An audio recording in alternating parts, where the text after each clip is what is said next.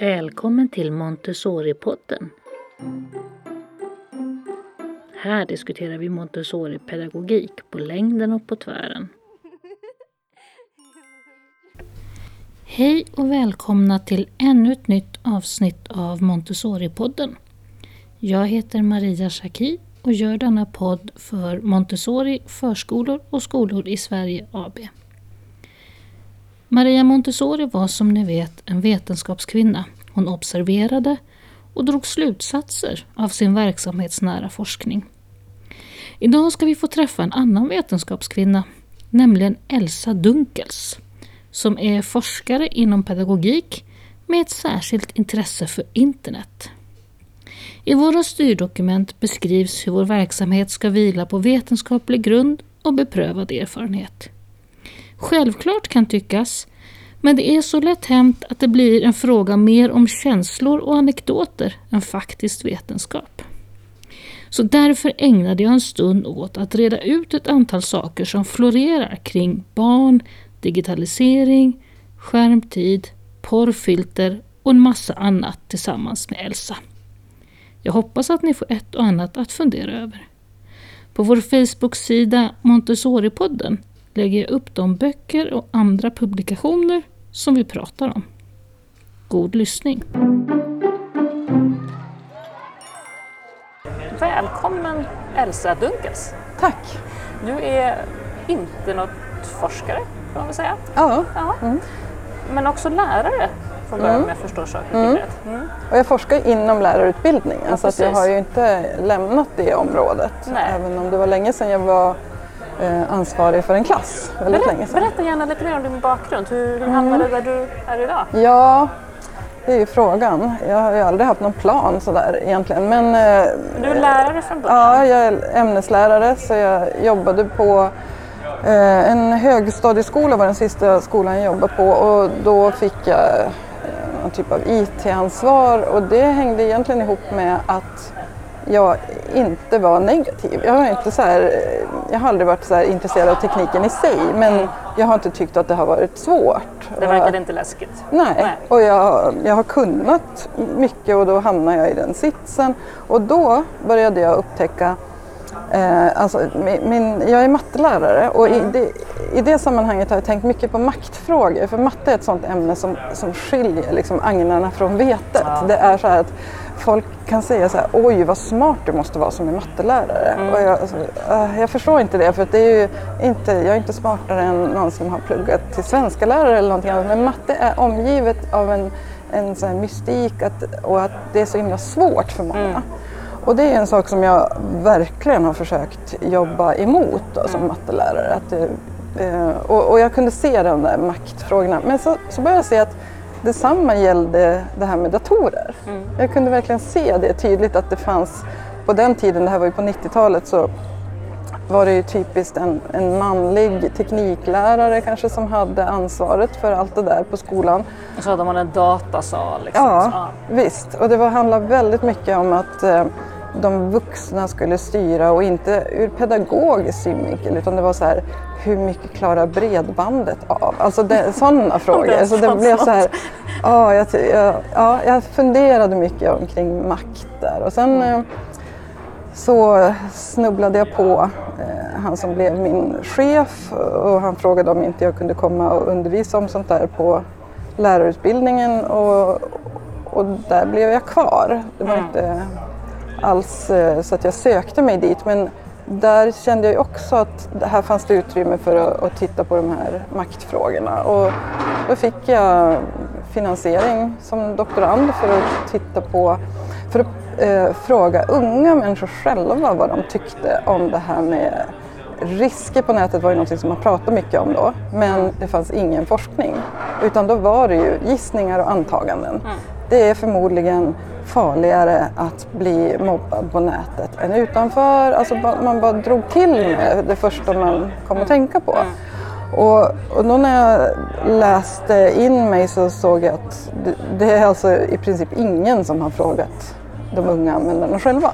Man har pratat om dem, man har bedrivit forskning om dem men inte frågat så här, hur, hur tänker du om det här då? Mm. Och inte det är ganska symptomatiskt mm. för, för den här typen av, av forskning, eller väl allt som rör barn, att man har forskat åt dem? Ja, exakt, de är objekt ja, eh, för ja. forskningen och de är inte subjekt i, mm. i, i forskningen där de då får eh, ja, berätta sin egen berättelse och det hänger ihop med så mycket saker. Vi, jag tänker generellt så är vi dåliga på att ta barns berättelser på allvar. Mm, mm. Deras erfarenheter är inte riktigt eh, värdefulla nog att ta in i olika beslut och så vidare. Utan de får liksom vänta tills de blir vuxna. Då minsann kommer de att få vara med.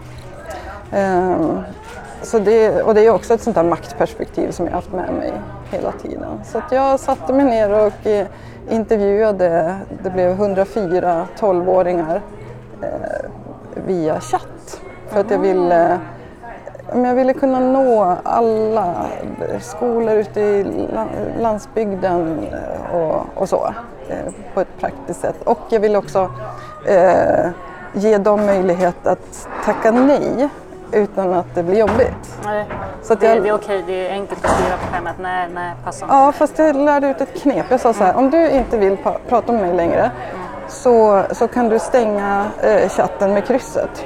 Och ja, jag sitter kvar och väntar ifall det var något tekniskt trassel. Mm. Men eh, om du inte kommer tillbaka så räknar jag med att du inte vill prata med mig och vi behöver, jag hör inte av mig till dig något mer och ställer frågor. Så att, eh, att det skulle finnas en sån här utväg. För det är annars ett problem när vuxna ska intervjua barn. Att vuxna hamnar i ett överläge och det är inte säkert att man får ärliga svar. Nej. Och, vi pratade precis innan här om, om, om det som jag upplever med, med Montessori-pedagogikens forskningsgrund, kan säga, att, den, att den just är baserad på observationer. Att Maria Montessori gjorde just så att hon observerade barnen. Mm. Vilka material går de till? Vilka material väljer de att mm. arbeta med och vad gör de med dem? Mm. Det var ju så egentligen hennes... Mm. Så, så, jag tänker egentligen är det här ett förhållningssätt som borde fungera för oss i Montessori-världen att titta att vi är ganska vana vid att titta vad är det barnen visar oss mm. med vad de gör. Just det. Vad visar de oss och hur ska vi hänga på det. Mm. För, hur, för, man pratar om följ barnet och det är precis det man mm. menar. Att, vad visar de oss mm. och hur ska vi hänga på det? Mm. Det måste ju då gälla även i den här nya världen. Ja, definitivt. Men det är också lite knivigt. Jag förstår att ni har de traditionerna mm. men, men det, om, om, man tittar på samhället i stort så har vi ju inte de Nej. traditionerna. Nej, vi har inte det. Eh, och da, då kan det bli helt fel att, att försöka men inte ha tänkt igenom Nej. riktigt. Därför att jag ser ju ibland i, i den här debatten omkring digitalisering hur barn används. Mm. Snarare att mm. ja, men barnen vill själva ha ett mobilförbud. Eh, har jag sett i debatten mm. till exempel. Och då beror det på hur har man tagit reda på det? Har man verkligen följt barnet? Har man observerat mm. och, och, och hållit sig en bit ifrån och så? Det har man oftast inte utan då handlar det om att barn är jättesnabba på att plocka upp vad de borde säga mm. såklart. Om man ställer ni att mobilerna är lite större än ja, klassrummet? Ja. Det ska vi, ska vi, ja, ja, precis. Ni vill väl ha lugn och ro i klassrummet och det vill ju eh, elever. Det finns, ja. ju, det finns ju belagt. Men att det däremot skulle hänga ihop med mobilen, det blir ju ett verktyg för en agenda snarare ja. än att det är barnets röst. Eh, och då är det internetanvändande som har blivit ditt forskningsområde? Ja, det har det. det, har det. Precis, och jag har fokuserat mycket på, på barnens röster som sagt. Men i det arbetet så har jag inte kunnat undgå att titta på attityder, mm. vuxnas attityder till det här. Ja, för det blev en sån stor del av det och jag blev så, jag kunde inte förklara mycket av mina resultat. Och, och det var framförallt det här att barn var så ensamma med de här frågorna. Mm. För då såg jag ju samtidigt eh, alla rubriker. Jag var ju själv en del av den här upphåsade liksom. Åh, vad farligt och, och, det finns eh, pedofiler och allt det här. Eh, och jag tänkte, det här stämmer inte överens. Varför är barnen så ensamma när vi pratar som tusan om det här mm. och är jätteoroliga? Mm. Vad, vad, vad är liksom bryggan? Vad, vad är det som fattas? Vad, mm. Så Eh, så det är någonting som jag har eh, sökt efter teorier för att förklara rätt så mycket.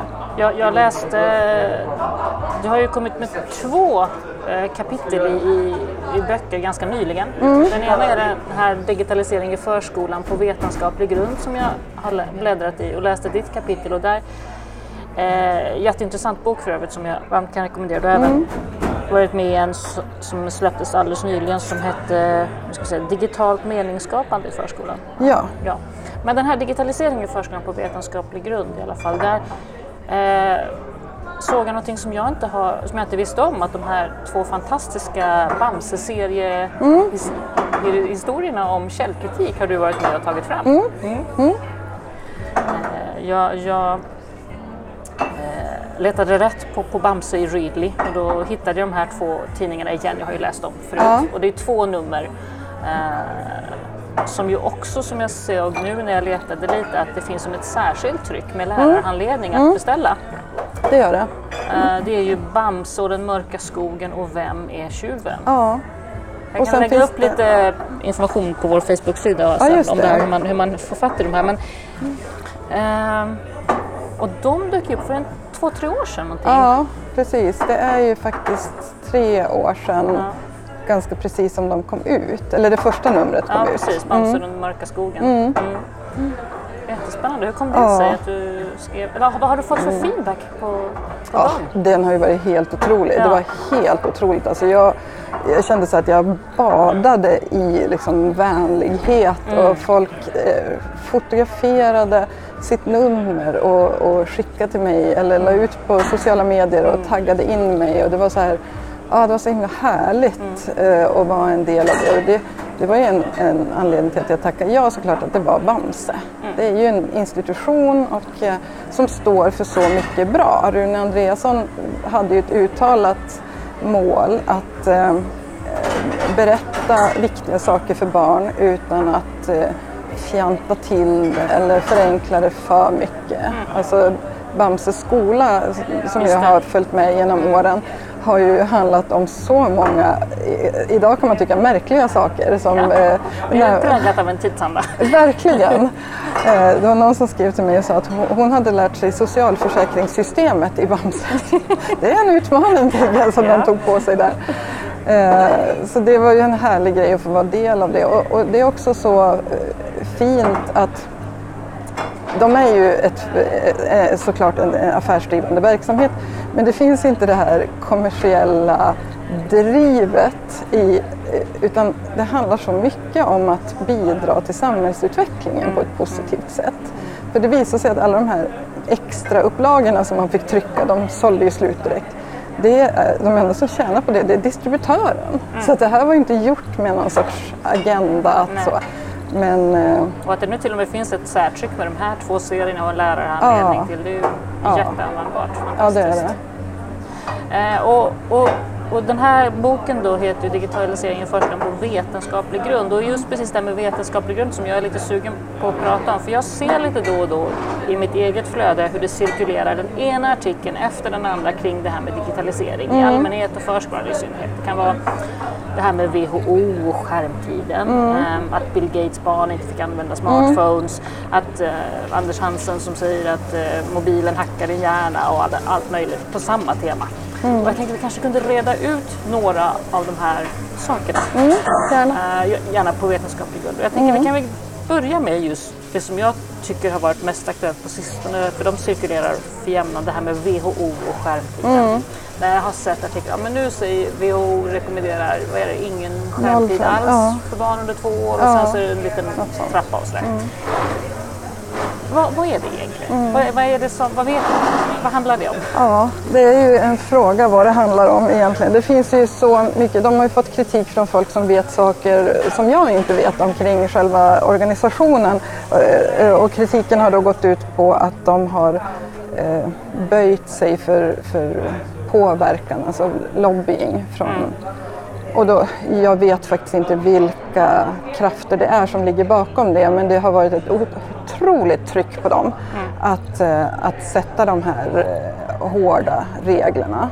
Och, eh, Men om man tittar på, en sån här rekommendation ska ju ha vetenskaplig grund såklart. Mm. Den måste ju baseras på någonting för annars drar man ju bara till med något. Och, och den saknas. Mm. Det finns alltså inga som helst belägg för att det skulle vara skadligt i sig med skärmtid. Sen är det klart att man skulle kunna peka på att det finns så mycket olämpligt som man kan nå via en skärm. Så att eh, där skulle man ju sätta noll minuters skärmtid på hela befolkningen när det gäller våld och, och, och Ja, sånt vi kan där. införa censur på allting. Liksom. Ja, inte- mm, men det är inte bara censur utan liksom det är inte bra att titta på de här grejerna. Det är inte Nej. bra för barn att göra det. Så det kan vi bara liksom, det kan vi konstatera. Men skärmtiden i sig är det ju man pratar om här. Och där finns det ingen som helst belägg utan det är ehm, ja, vad ska vi säga, sådana här organisationer som eh, Ja, man brukar kalla dem för foliehattar Ja. till exempel. Och där har vi en väldigt stark eh, sån eh, lobbyrörelse som eh, är emot 5G, var emot 4G. Strålskyddsstiftelsen Precis. som ju har ett förvillande likt namn med Strålskyddsmyndigheten. Ja. Men undrar om det är en... eh, Kan det vara en slump? Ja. nej, det är klart att det inte är. Utan de har ju, alltså går man in på deras sida så framstår ju den som väldigt seriös. Det ser Mm. inte ut som någon galning som har suttit och gjort det. Utan de har ju, de har ju fått med sig forskare och de har snyggt upplagt och de har mycket pengar. Och, Mm. Och så. Eh, Men det de, det de säger är helt enkelt inte sant. Det är, väldigt, alltså det strider helt emot vad, vad man faktiskt vet om den här strålningen. Så att, eh, det jag kan ju tänka mig är en sån lobbyorganisation som har påverkat WHO väldigt mycket och de säger att vi borde ta det säkra för det osäkra. Ja, eh, det bör man alltid göra. Men i det här sammanhanget om yngre barns digitalisering så, så tänker jag att för, ur min forskningssynvinkel så skulle det säkra för det osäkra skulle vara börja så tidigt som möjligt. Var med ditt barn, eh, titta på hur de agerar, se vad de är intresserade av, engagera dig i de sakerna. Därför att vi, man vet att de barn som är vana nätanvändare, det är de som generellt sett är tryggast. Jag såg att du i, den här, i ditt kapitel här så gjorde du en liknelse just om, om eh, trafiken. Eh, Och den tyckte jag var träffande. Mm. Ja, Berätta. den är väldigt träffande därför att alla, alla förstår att trafiken är farlig. Det är ett väldigt stort hot eh, mot oss. Men det är inte så att vi hela tiden går omkring och har ont i magen för det. Eller liksom rycker till hela tiden och är i ständigt så här red alert-läge. Utan vi har lärt oss att hantera det här. Vi har hittat på övergångsställen, man har eh, staket om det är yngre barn som är i närheten och man håller sitt barn stenhårt i handen och verkligen så här varnar, talar om titta här, titta här. Men sen så händer det ju någonting tills de är 13. Det är inte så att man avhåller dem från trafiken. Det är ett- väldigt extremt scenario. Man tänker så här att nej, jag vill skydda mitt barn så jag sitter hemma med barnet. 12-13, då är deras hjärna utvecklad. Då kan vi gå ut i trafiken. Det är ju en jättekonstig grej att göra. Då blir Och de man överkörda bums. Precis, man förstår ju att då, då ska de vid den åldern börja orientera sig i världen och förstå hur bilar funkar och så. Att det är inte är ett bra sätt att göra utan någonting är det som vi gör som, eh, långsamt. Vi överför ansvar mer och mer och, och drar undan vårt eget bestämmande långsamt i lagom takt. Det är ingenting vi har gått en kurs i. Det finns inga sådana kurser så vitt jag vet utan det där fixar vi på något märkligt sätt. Anita och Televinkens trafikskola möjligen en gång i tiden. Absolut, trafikskola. Trafikskola. Men inte kurs i hur du som vuxen Nej. för vidare det här. Nej, nej. Utan det gör vi liksom intuitivt och en del kanske gör det bättre, en del kanske gör det sämre. Men det är dit vi måste komma med de här sakerna. Att vi måste känna oss så pass trygga med att självklart så måste barn veta hur en, en platta fungerar.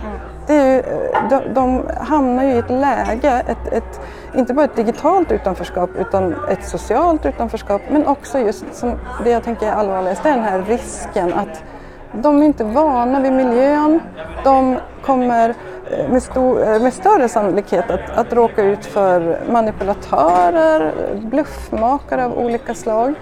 Och sen har man sett att de som är vana nätanvändare, alltså barn och ungdomar som är vana, eh, har, har lättare att, att låta det rinna av dem. När de har råkat ut för någonting så tar de det inte som ett, ett eget misslyckande i lika stor utsträckning.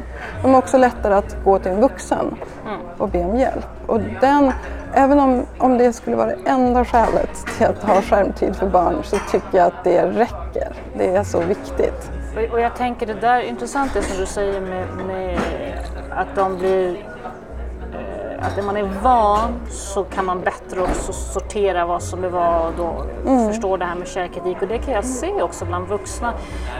Ehm, Det är ju någonting som jag önskar ibland att pedagoger själva kunde vara bättre på källkritik. Eh, Och jag, jag får ibland en känsla av att det är för att man är så pass ovan och osäker själv så man har själv inte riktigt förstått att det här som cirkulerar här, var kommer det ifrån? Kan jag lita på det?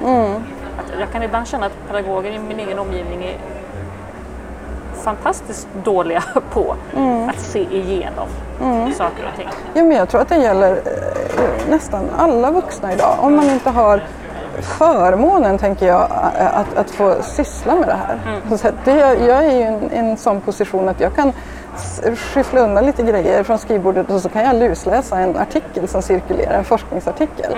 Och sen så har jag verktygen också för att, att granska den och se igenom att nej men det här är ju en logisk lucka, det här har de inte alls visat.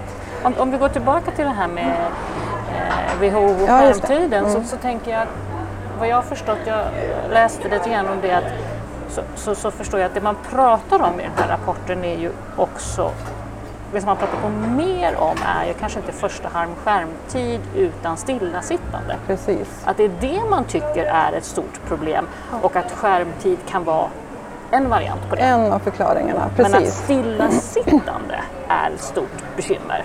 Ja. Och då finns det ju diverse varianter på det och det enklaste är ju då att säga ja, men skärmtid. Ja, a- absolut, det stämmer precis. När man verkligen läser rapporten och inte bara läser medierapporteringen. Ja, för den det är har ju också vetenskapsjournalister som ska förstå någonting. Ja, ja, men också så här att det är inte bara vetenskapsjournalister som har rapporterat utan det är ju eh, jag menar, landsortstidningar som Ja. bara säger oj, sk- noll timmars skärmtid Mm. för barn under två år och så blir det en rubrik. Men läser man rapporten så, så är det just det här stillasittandet som man oroar sig för och, eh, och där finns det så vitt jag förstår belägg för Mm. det inom folkhälsoforskningen. Men det, jag bara utgår från det, jag har inte tagit reda på det. Och då, då letar man då efter tänkbara orsaker och eh, en av de tänkbara orsakerna är skärmtid. Mm. Men, men då pratar man ju om en specifik skärmtid där barnet sitter stilla väldigt mycket och är passiv. Man pratar ju inte om att eh, springa runt på förskolan och använda en platta för att måla på väggen. Eller alltså, den typen av aktivitet. Eller om de blir eh, för lite större barn att springa runt och spela Harry Potter-spelet i, i sitt kvarter med mobilen. Det ingår ju inte där då, utan det är stillasittande skärmtid. Så det var synd att de inte poängterade det lite mer. Ehm, Den andra stora tänkbara orsaken som de lyfter fram det är att yngre barn ofta, oftare idag sitter fastspända och då räknar man upp barnvagn, matstol, bilbarnstol som exempel. Och, och där har man ju lika starka rekommendationer. Alltså verkligen att det, låt inte barnen sitta i den där bilstolen mer än och så står det någonting. Då. Eh, Men det har ju inte blivit en enda rubrik. Nej men de är fastspända och vi skjutsar dem och Ja. vi, vi är inte ute med dem. Nej. Eh, precis. Så att det, det är ju det är tråkigt att det blev så för WHO är ju en har ju ett varumärke som vi verkligen som de borde värna mer tycker jag. Därför att vi lyssnar på WHO och det ska vi göra. Men i och med att de ger struntrekommendationer som det här faktiskt är, det bygger inte på någonting, så, så faller de ett steg. Och jag hoppas att det är det enda steget de faller. För vad gör vi utan en världshälsoorganisation att lita på? Det blir ju det blir skakigt. För det är, det är nog skakigt som det är idag. Jag tänker på att många har ansvar. Eh, exakt alla vuxna har såklart det som privatpersoner och yrkesmänniskor. Men också så här, vilka tidningar är det som har publicerat det här? Vilka är det som delas? Det, det, de har ett ansvar att läsa ordentligt. Och förlagen har ett ansvar att inte ge ut vad strunt som helst. Om, om eh, jag tänker på, på det här med stillasittande då, komma in på nästa sak som, som cirkulerar lite grann. Och, och det är ju Anders Hansson som förvisso förtjänstfullt har påpekat att rörelse är bra för kropp och själ. Mm, och det finns det ju väldigt mycket forskning kring Ja. att så, så är det ju. Ja. Eh, utifrån det här med stillasittande och så. Men, men det här eh, som han också har sagt på sistone om det här med hackandet av hjärnan med Mm. mobiltelefonen. Vad, vad, vad vet vi där? Nej, det är klart att en, att en mobiltelefon inte kan hacka hjärnan. Alltså det där är ett, ett ehm, vad ska man säga, sån här one-liner som, som han har plockat upp då, eh, för att eh, göra poänger. Och, och, men, men då, när man ser det på det sättet och det är en, en, eh, en läkare som säger det så, så finns ju risken att man inte bara tar det som en one-liner utan tar det som ett faktum att, att mobiltelefonen kan hacka ens hjärna. Eh, Det han menar, det många andra har hakat på, det är ju det här med belöningssystemet. Det har ju blivit nästan Det här med dopamin och Ja, precis. Det är nästan som att, att eh, dopamin används som ett slagträ i den här debatten och att, att det används nästan eh, synonymt med en drog. Att liksom, ta nu inte dopamin kids för då vet ni hur det går. Och, och det, i själva verket så är det en, en, en ess- essentiell signalsubstans. Det är oerhört tufft att inte eh, ha fungerande produktion och receptorer av dopamin. Så det är någonting vi måste ha. Och då blir det en annan sak än att om det vore en drog. För då måste vi inte ha lite av det ens. Om, utan droger ska ju bort ur kroppen. Men, men här handlar det om andra saker. Och, och det är klart att det är irriterande om någonting annat än det jag tycker är viktigt tar över folks eh, här, uppmärksamhet och eh, bekräftelsesystem. Och jag tror att det är det som mycket av det här handlar om. Att det, det är obegripliga saker som, som folk går igång på. Ehm, ja, men till exempel att följa någon på Instagram och se hur deras liv ser ut. Det kan man som utomstående känna att men vilket slöseri med tid. Men den typen av argumentation har man alltid haft kring nya företeelser. Exakt varenda ny grej som har kommit kan man se den typen av argumentation. Att det här är ett slöseri med tid. Att läsa böcker är ett slöseri med tid. De här unga människorna kunde använda den tiden till någonting viktigare. Eh, eh, de skulle till exempel kunna läsa katekesen. Alltså den typen av, som, som då utgår ifrån en själv och ens egna värderingar. Och det är klart att värderingar är ju viktiga men man måste ju också ifrågasätta sig själv eh, och, och tänka så här, är det verkligen är är det här någonting som är väldigt viktigt så som demokrati och att inte kränka andra och så vidare? Eller handlar det här mer om tycke och smak? Och, och jag tror att det är precis där vi är och det är därför också som eh, den här, de här skräck eh, eller författarna når fram. För då får, får jag bekräftelse på min irritation över de här ungdomarna som verkar ha det så himla bra. Fast det är inte sånt som jag tycker att de borde göra. Nej, och också något man inte förstår och inte kan. Mm. Eh, och då får man bekräftelse på att det är, och det är, jag behöver inte lära mig det här för det är ändå läskigt och fel. Ja. ja.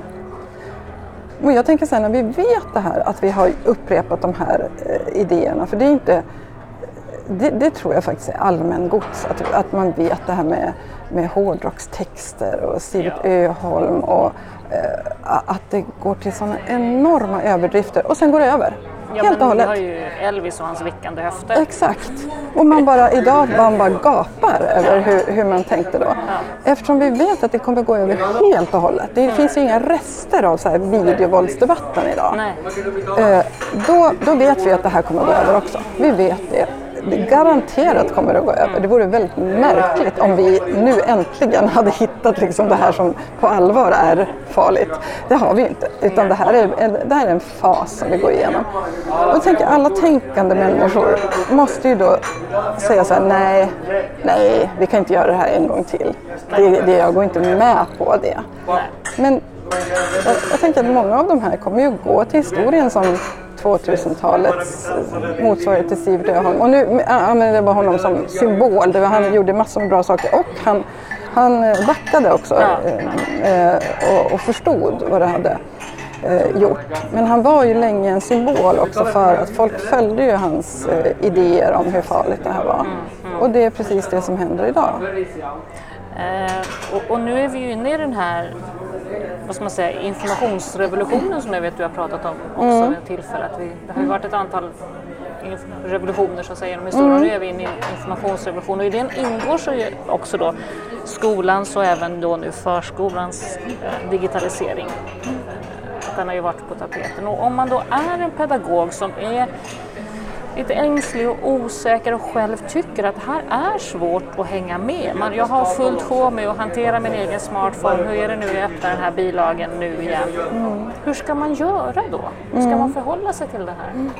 Ja, nej men jag, jag förstår verkligen den positionen och det är orimligt att få det i sitt knä. Mm. Att nu, nu ska det här göras med väldigt så här, ja, men, luddiga kanter men ändå väldigt tydligt. Man pekar med hela handen fast lite vagt så här. Ja. Och det, det tillsätts inga resurser.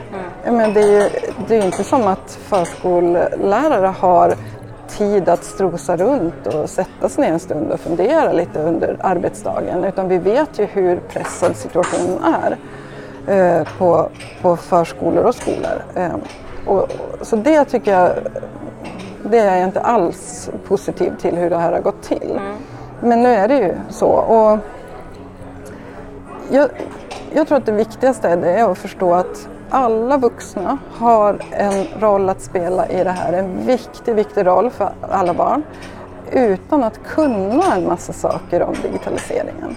Utan de flesta yngre barn har, vet hur man eh, swipar bort ett sms på förälderns eh, mobil som man har fått låna mm. när de sitter och gör någonting. Ja. Och det där störande smset kommer. Så, mm, mm. och det är en enormt hög nivå på digital kompetens om man tänker eh, eh, i, i, relation till vuxna. Mm. Därför att det, det, är sånt som tar tid för oss att, att förstå. Plötsligt är det någonting i vägen på skärmen, vad gör jag då? Vad gör jag nu? Ja. ja. Eh, så att där, där skulle vi kunna följa barnen. Alltså verkligen titta, spionera tänker jag ofta mm. att det mm. handlar om. så här. Mm. Eh, hur kan jag utnyttja det här till min egen profession? Det här som jag ser nu. Mm. Hur kan jag omvandla det till delar av det kanske bara? Det handlar mm. inte om att eh, skoja till allting så allting blir ett pussel på en skärm. Utan vad, jag tänker ofta i termer av dekonstruktion också. Att, att eh, titta på ett fenomen och så tänka så här, ja, vad består det här av egentligen? Och där är vi så sällan idag för det, det är det här ytan, det digitala ligger på ytan hela mm. tiden och bara sticker oss i ögonen. Mm. Så att många ser inte ens att jaha, det här är pussel, det här är lego. Det här är att, att umgås med kompisar i tonåren. Alltså vi ser inte igenom tekniken ännu. Och, och, och kan vi träna upp det eh, så blir det, tror jag, ett sätt att höja vår eg, vårt eget värde mm. eh, i barnets liv. Och, och förstå att jag, jag, ska inte sitta och lära dem hur man stänger av det här eller startar det här. Utan, det kan de redan. Ja, eller så tittar de på en kompis eller ja. så förstår de av situationen eller så får man ropa på hjälp om det inte mm. går. Men utan det är snarare så här guida, stötta, titta på vad som händer, eh, uppmuntra samarbete, eh, visa att kanske man klickar inte på allt som rör sig, om, om man är på Youtube till exempel. Mm. Och, och, att försöka identifiera de här miljöerna där de kanske behöver lite guidning och sen finnas där mm. när de vänder sig om och ropar på hjälp. Mm. Alltså, och då menar jag Alltså, Okej, okay, teknisk hjälp kanske man inte kan ge alla gånger, men stöd. Jag har sett någonting som var jättehemskt. Det var en, en, ett barn som grät. Mm. Och att man verkligen finns där och inte får panik och bara vi slänger ut de här, det är barn som gråter och barnet blir ledset. Och det är mycket så det går till idag. Det, utan istället, istället vara där för barnet. Det är mm. barn som har sett någonting och som behöver ventilera det. Mm. Och det är många barn som inte har någon sån idag. Och, och jag skyller faktiskt mycket av det på, på det här eh, upphåsade diskussionsläget. Att det är så många vuxna som tror att det viktigaste de gör det är att skydda barnen från skärmar. Och då, då är det svårare för ett barn att komma och säga jag såg eh, en, en, eh, hund som torterades. Eh, Men jag har ju sagt att du inte får vara på Youtube. Nej, alltså precis. den diskussionen Ja. är det många barn som berättar om. Att Ja. Det är de som får skulden för det som har hänt. Och då kommer de ju inte tillbaka och säger nästa gång det har hänt någonting. Så den saken, det kan ju vi alla vuxna erbjuda idag. Att ta ett djupt andetag, slappna av, lyssna, bestämma sig för att inte bli arg, upprörd, ledsen eller någonting. Spela lite så här pokerface Ja. och lyssna och sen får man väl få panik inne på toan sen om man tyckte att det var jättehemskt. Ja, ja. Och, och, och vara närvarande Ja, med så här, Ja. barnen. Så Se vad de gör. Och, och så säger ja, man kanske inte kan ge teknisk support. Nej, men man kanske kan tillkalla någon klasskompis som ja, kan. ja, Säga oj, jag ser vad som har hänt här. Jag är inte säker på att jag vet hur, jag ska, hur vi reder ut det här. Men vi, Kalle här brukar vara bra på. Vi hör om han kan. ja men precis. Och så tänker jag ju att vi, vi gör så mycket annat. Jag menar, vi har ju till och med i Montessori-verksamheten har vi till och med åldersblandad undervisning för att barnen ska lära varandra. så, vi, så vi litar ju på dem att lära varandra i många andra avseenden.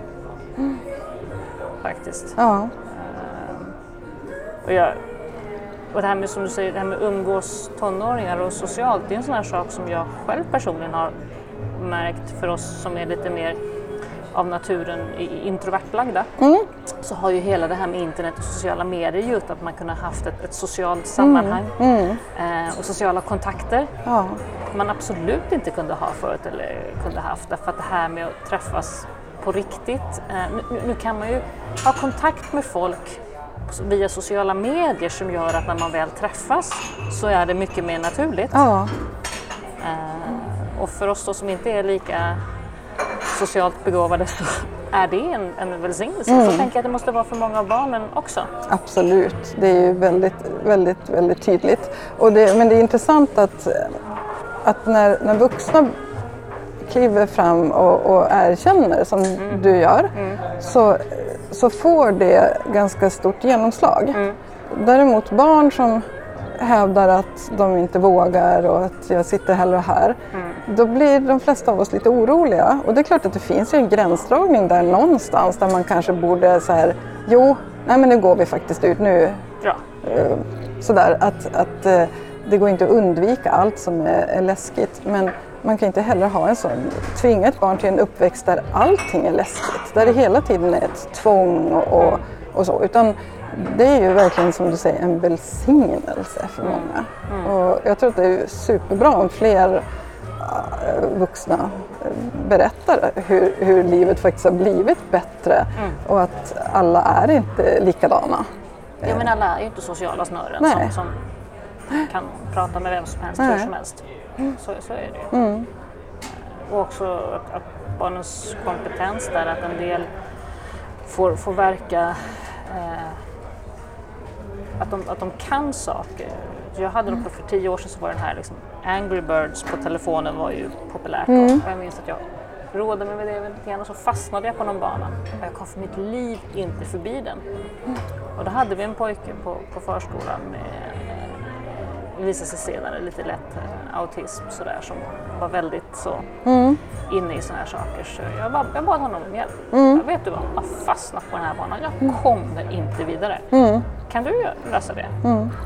Så gav jag, visst, så gav jag telefonen till honom och tre minuter senare så hade han löst det. Ja. ja, men så underbart det är Alltså, att men barn hur, får hur, vara. visst, hur visste du det? Nej, men jag har tittat på Youtube eh, hur man gör de här banorna så att jag vet. Ja. Ja, och det där tycker jag är så intressant också, hela den här Youtube-diskussionen. Att, att, att det anses av, av, i många läger att vara eh, oviktigt och kanske till och med destruktivt att sitta och titta på andra som gör saker Mm. på Youtube. Men hur många gånger gör inte vuxna det? Vad är ett matlagningsprogram på TV egentligen? Vad är en fotbollsmatch på TV? Ja, ja. Det är att titta på andra människor som gör sånt som man kanske själv egentligen borde göra eller vill göra eller är intresserad av. Vi, vi håller på att renovera ett hus nu. Min sambo tittar på Youtube hela tiden om Mm. olika moment i renoveringen som han inte riktigt känner sig säker på. Ja. Så tittar han, ja men hur ska jag göra med de här tagelpannorna? Och så tittar, Precis. och så tittar han på Youtube några varv och så några olika varianter och så känner att men nu kan jag gå ut och testa. Mm. Jag menar, alltså, man vore väldigt dum om man inte gjorde det om Ja. man ska renovera. För Ja. det, är varför ska alla göra samma misstag när det Precis. finns redan? Ja, så att det, det, där, det där måste vi försöka sansa oss lite grann. Eh, och, och, och just det här dekonstruera, skala bort det digitala och tänka vad motsvarar det här? Mm. Ja, det kanske är det här som jag känner mig bekant med. Då kan jag kanske förstå det. Jag tänkte på den, den, den bilden just när jag för Vi hade lite fel på systemet så då vi inte betala någonting. Det bara bjuder. Åh, tack! Tack vad gulligt. Ja, nej, jag, jag tänkte på det, den bilden av att just skala av och, och ta ner till vad handlar det här om egentligen. När den här, för några år sedan så kom den här diskussionen med iPads och lära barn att läsa och skriva. Vad kan det vara? Ja, det är inte tio år sedan. det, sånt där ihåg kanske. det, Ja, var, det var någon kommun som, ja, men alla mm. lågstadiet skulle ha iPads och man skulle lära barnen att läsa och skriva med iPads och, och då var det ju allmänt förfasande kring det här och papper och penna var bättre. Och, och då minns jag att jag vid något tillfälle sa det till ett gäng Montessori-pedagoger som också gick igång på det här. Så jag, men vänta nu här. Vi har ett Montessori-material i Montessori-förskolan som kallas för det rörliga alfabetet. Kommer ni ihåg hur det gick till? För det var ju så att Maria Montessori såg att barnen kun, barnens intellekt och hjärna var ju redo för att skriva innan deras händer var redo att forma Just bokstäver. Just Så vad gjorde hon då? Jo, hon klippte ut bokstäver i papp. Så att barnen kunde bygga och skriva ord med hjälp av de här färdiga bokstäverna. Att inte deras motoriska utveckling skulle hindra dem att skriva. Utan man... Alltså, och hur? Alltså, är det rörliga alfabetet, skil, skil, hur skiljer sig det från att skriva på en iPad? Det är ju faktiskt samma sak. Hundra år senare med annan teknik. Hon hade ingen iPad så hon klippte Nej. ut bokstäver. Eh, för att bara för att barnen inte kan forma bokstäver så betyder inte det att de inte kan skriva. Nej. Och, och, då, och då minns jag hur de ryckte till sådär och tänkte, "Ja, just det, så har jag inte tänkt på det. Nej. Eh, Och det är så mycket sånt där. Väldigt mycket som är så. Mm. Och, och det där är ju fantastiskt fint om man kan Egentligen så tänker jag att mycket av det här som vi pratar om nu handlar om, om normer, alltså destruktiva normer Mm. som begränsar oss. Att idén om att alla ska vid en viss ålder kunna det. Och, och, och då är man lite misslyckad om man inte då kan forma ett snyggt R i den åldern som man ska. Och, och kan man då komma förbi det misslyckandet, känslan, genom att få göra det på ett annat sätt så måste ju det bygga upp mer än det skadar. För jag, jag vet inte vad tanken är bakom det där att om de inte skriver på riktigt så lär de sig aldrig skriva. Det är klart att de kommer ju att skriva Ja, och det är ju någonting man kan jobba med parallellt. Jag menar, det gör ju vi också med det här materialet som jag pratar om. Det är någonting vi har i förskolan. Och samt för att de ska utveckla själva skrivandets glädje och lära sig bygga ord. Mm. Och parallellt med det så pågår ett annat arbete med lite andra material där man jobbar med handen och f- det här med hur man följer linjer och Mm. alltså för att utveckla det finmotoriska i handen. Och gör man de här sakerna parallellt så kan det hända att de faktiskt skriver snygga bokstäver Mm. Ja, precis. Men sen Så, så, så man, kan, man får ju liksom lite grann hålla två saker i huvudet samtidigt. Ja, och, och det, jag tycker där har ju samhället utvecklats i positiv riktning. Att det är lättare att prata om sådana saker. Att, det finns olika vägar att ta Mm. sig fram eh, till vad man nu tänker sig är målet. Ett, ett bra liv. Alltså att det, Mm. Ja. finns sådana skillnader också. Att vi måste inte allihopa producera maximalt. Eller vi måste inte allihopa bli framgångsrika i någon traditionell ekonomisk mening. Utan det finns olika sätt att tänka och olika sätt att vara är, är mycket tydligare idag än, än tidigare. Vi var ju, som jag ser det som lärare så var vi väldigt bundna vid det här eh, eh, utvecklingspsykologiska eh, teorin eller, eller mm, tankemodellen är det ju snarare. Att, att hjärnan utvecklas på ett visst sätt. Och den har vi, så, vi förstår ju såklart att så är det inte. Alla sjuåringar är inte på ett visst sätt och, och så. Men att det är, det är bara en tankemodell som man kan hålla fast sig vid, det, det är rimligt. Men den får inte användas eh, som ett eh, vapen eh, så att det skadar någon. Men jag ser tendenser till att det kommer tillbaka. Att man pratar om eh, till exempel att barn inte har konsekvenstänkande och därför ska de inte få tillgång till eh, till exempel eh, digitala verktyg. Nej. Och det, så, kan, så kan det säkert vara i någon psykologisk mening om man tittar i hjärnan. Men det är inte så att alla vuxna har ett fullt, eh, eller använder sitt fullt utvecklade verkligen konsekvenstänkande. inte. Men där är vi också tillbaka till den här liknelsen med trafiken som vi sa innan. Nej, och just därför behöver man kanske vandra med dem. Ja, precis. I tid. Ja. Du kan inte komma till en 12-åring och säga du nu ska vi titta på iPads här. Jag sätter mitt knä så kollar vi på det här. Och apropå 12-åringarna då, de lite äldre barnen. Eh, något som, som diskuteras ganska ofta i skolvärlden då är ju det här med porrfilter. Mm. Är det, ska man ha det? Vad ska man, Alltså grejen är att om, om det var så att det fanns någonting eh, som filtrerade bort allt det oönskade och olagliga och släppte igenom allt det önskade. Då skulle jag säga yes, jag är för det. Det kommer jag att stå på barrikaderna och propagera för. Men det gör inte det. Det är det som är det stora problemet med hela den här debatten. Att man, man diskuterar, jag vet inte, utopia eller liksom något he- helt påhittat. Och de som har hittat på det, det är ju såklart tillverkarna. ja, de vill ju sälja. Ja, och de Och menar ju konsulterna då vill att det fakturera.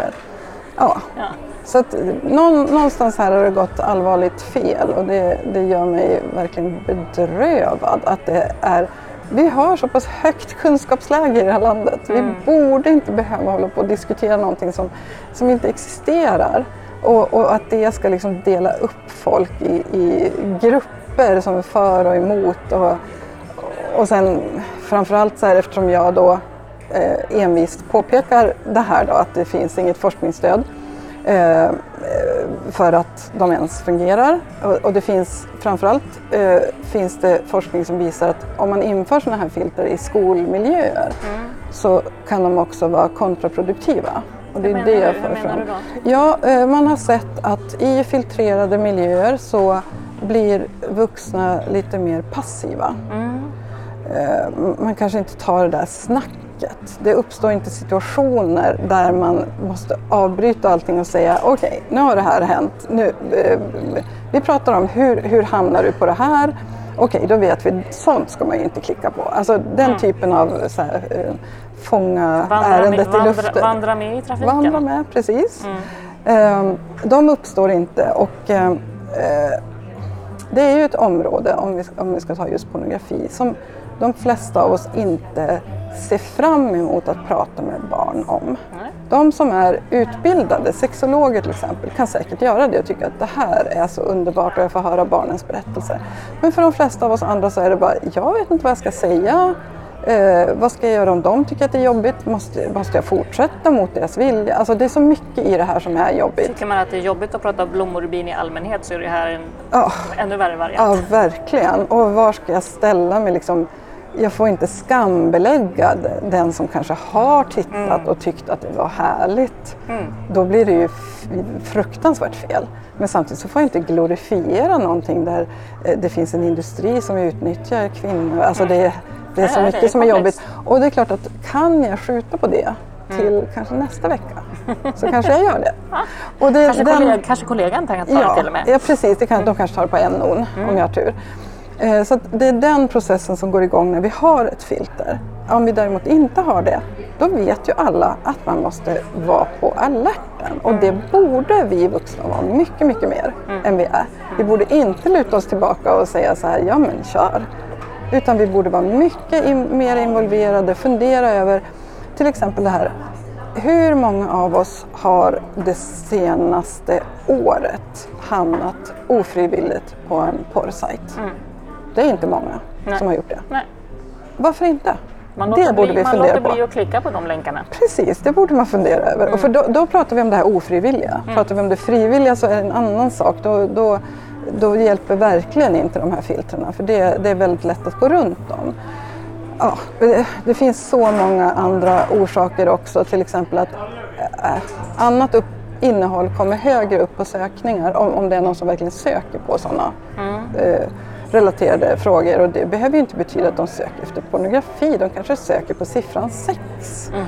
Och då kommer det, om man har filtrerat, då, då, det som är lättast att filtrera bort det är här kommersiella sajter där man kommer till en sida eh, eventuellt med någon bild som man ska bli lockad av och sen så är det, ska man fylla i sitt kontokortsnummer.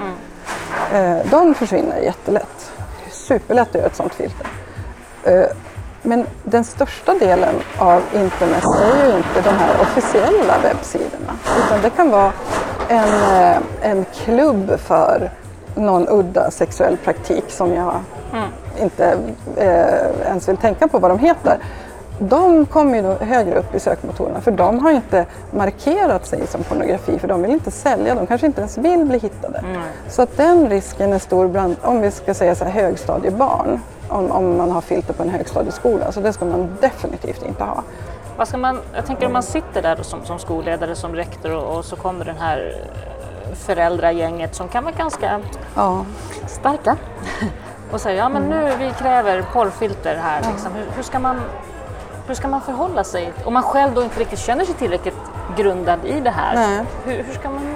Ja, alltså känner man sig inte grundad i det, då måste man ju bli det. Ja. det är ju, man får ju inte lägga våra gemensamma resurser på någonting som inte verk, funkar. Nej. Eller inte bara, det handlar inte bara om resurser, utan, utan det står i våra styrdokument. Mm. Att det vi gör ska grunda sig på forskning och beprövad erfarenhet. Ja.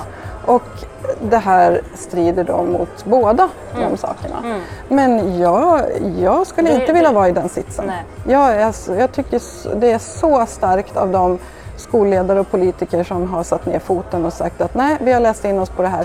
Det finns ju kommuner som har tillsatt en utredning, snabb utredning, bara kolla runt lite grann. Och där har jag eh, startat en, en Facebookgrupp som man kan gå med i där vi samlar all forskning, alltså lite så crowdsourcing, där man kan gå in och hitta den forskning som finns och där vi också har bett då eh, företrädarna för porrfilter att lägg in era forskningsresultat, det som ni baserar på. Transparens. Ja, det är det som är tanken och den har använts av många som har gjort en sån här utredning och bara, jaha, så här är, kunskapsläget och då är det lättare att peka på det och säga nej. Vad heter den? Mm, den heter någonting så långt och eh, den heter Kunskap om filter och åldersverifiering.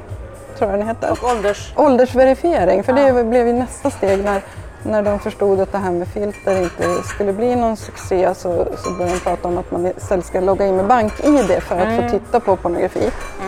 Men, ja, men det hjälper ju inte eh, yngre barn, för det, yngre barn kommer ju inte klicka sig vidare om de råkar komma på en, en, en sån här sida med, med ett kontokortsnummer eller så. Det, ja, det är i alla fall en, en idé som också har fallit delvis. Men, men vi har samlat den, den forskning som finns omkring båda de fenomenen.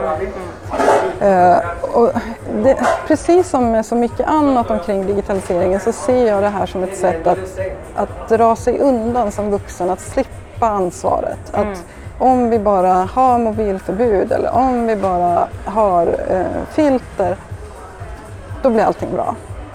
Även om man säger att vi tror inte allting blir bra men det är ett steg på vägen, så det är inte ett steg på vägen. Det är någonting som kostar väldigt mycket pengar. Eh, det kostar resurser, det måste sitta någon där och uppdatera de här när det kommer någonting nytt. Vill vi ens ha sådana personer i vår organisation som håller koll på vad, det, vad, vad för nytt som kom? Nej, men det blir så himla ogenomtänkt så att jag... Ja. Men det är svårt därför att eh, sådana som jag då som lägger fram eh, forskning och argumenterar emot det här, vi målas ju in i det här hörnet som jaha, du vill att barn ska komma åt pornografi, gärna så unga som möjligt. Så det är nästan omöjligt att, att, att gå ur en sån diskussion med, med något annat än förtvivlan Ja, helt så, enkelt. så är det ju. Ja. Den- Den är svår. Men vi får, vi får hjälpas åt, tänker jag. Alla som, Mm, alla som vet får hjälpas åt. Eh, Jag tänker man skulle kunna sammanfatta lite grann det här samtalet vi har haft med att eh, det allra viktigaste i digitaliseringen i förskolan och skolan är att just observera barnen och vandra med barnen. Mm. Och, och kanske lär man sig själv någonting på kuppen. Ja, det kommer man ju garanterat att göra. Och, och det är det som är så himla härligt med att leva nu.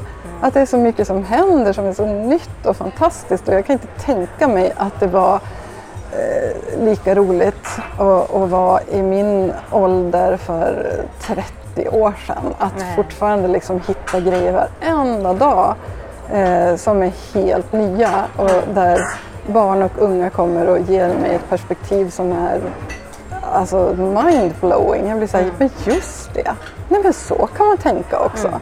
Att den, den grejen är så fantastisk. Och det har ju inte bara med digitaliseringen att göra. Det är en samhällsutveckling där vi eh, jag tror att den nästa stora revolution kommer att bli att, att barn får större rättigheter. Jag ser ju att det, det händer ju saker nu. Barnkonventionen som lag, eh, men också andra, andra sätt att vi respekterar barn på ett annat sätt. Och tänk att få leva i den tiden, det är ju fantastiskt. Verkligen. Finns det några fallgropar sådär då, om man tänker kring digitaliseringen och så i skolan som man som pedagog ändå ska vara vaksam kring? Eh, Som kan vara lätt att kliva fel på. Ja, nej, inte i sig eftersom digitalisering är ju så många olika saker så att varje grej skulle ju kunna innehålla eh, fällor helt klart. Jag menar det här som många lyfter att eh, det kan användas som barnvakt. Det är klart att det är en, en risk att de, eh, om, om barn sitter med en, en platta ensamma så är det lätt att uppslukas precis som vi vuxna gör. Eh, men den risken tror jag alla är medvetna om. Jag tror inte man hamnar i den situationen i, i den professionella verksamheten. Däremot kan, kan man göra det hemma. Men, men då gäller det också att vara lite vaksam på sina egna värderingar där. Är det, barn behöver också vila. Är det här ett, ett så dåligt sätt att vila? Eh, eller är det verkligen ett sätt att sjunka in i sig själv, få lite ro och samtidigt lära sig någonting, för det händer ju hela tiden. Nej, jag tror den stora risken det är just den här paniken omkring det här. Att det är ganska tufft för förskollärare att möta eh, vårdnadshavare som har oroliga frågor. Eh, så d- den, den risken tror jag är, är stor. Hur Om gör vi ni med det här? gör- Vad är er policy för det här? Ja, och jag har läst den här boken, har ni läst den? Mm. Där det står hur farligt det här är. Och då, då gäller det att man har på fötterna också lite grann. Och våga vila då i att men, forskning och beprövad Ja, vetenskap och beprövad erfarenhet. Ehm, att, att våga stå lite grann för det ja, och inte springa på alla bollar. nej. Men kanske också så här, vara transparent och, och, och visa, för det verkar vara väldigt avväpnande. Att så här, visa vad det här egentligen innebär. Det innebär inte att glåmiga barn sitter och stirrar in i varsin platta hela dagen Nej, eh, och, och personalen sitter och dricker kaffe. Utan det är he, något helt annat som, som vi som är utanför inte kan fantisera ihop. Det har ju varit roligt för mig som utomstående att skriva kapitel i just de här två böckerna för jag har ju fått en inblick i vad de, vad de gör, de här Ja. professionella som kan det här professionellt.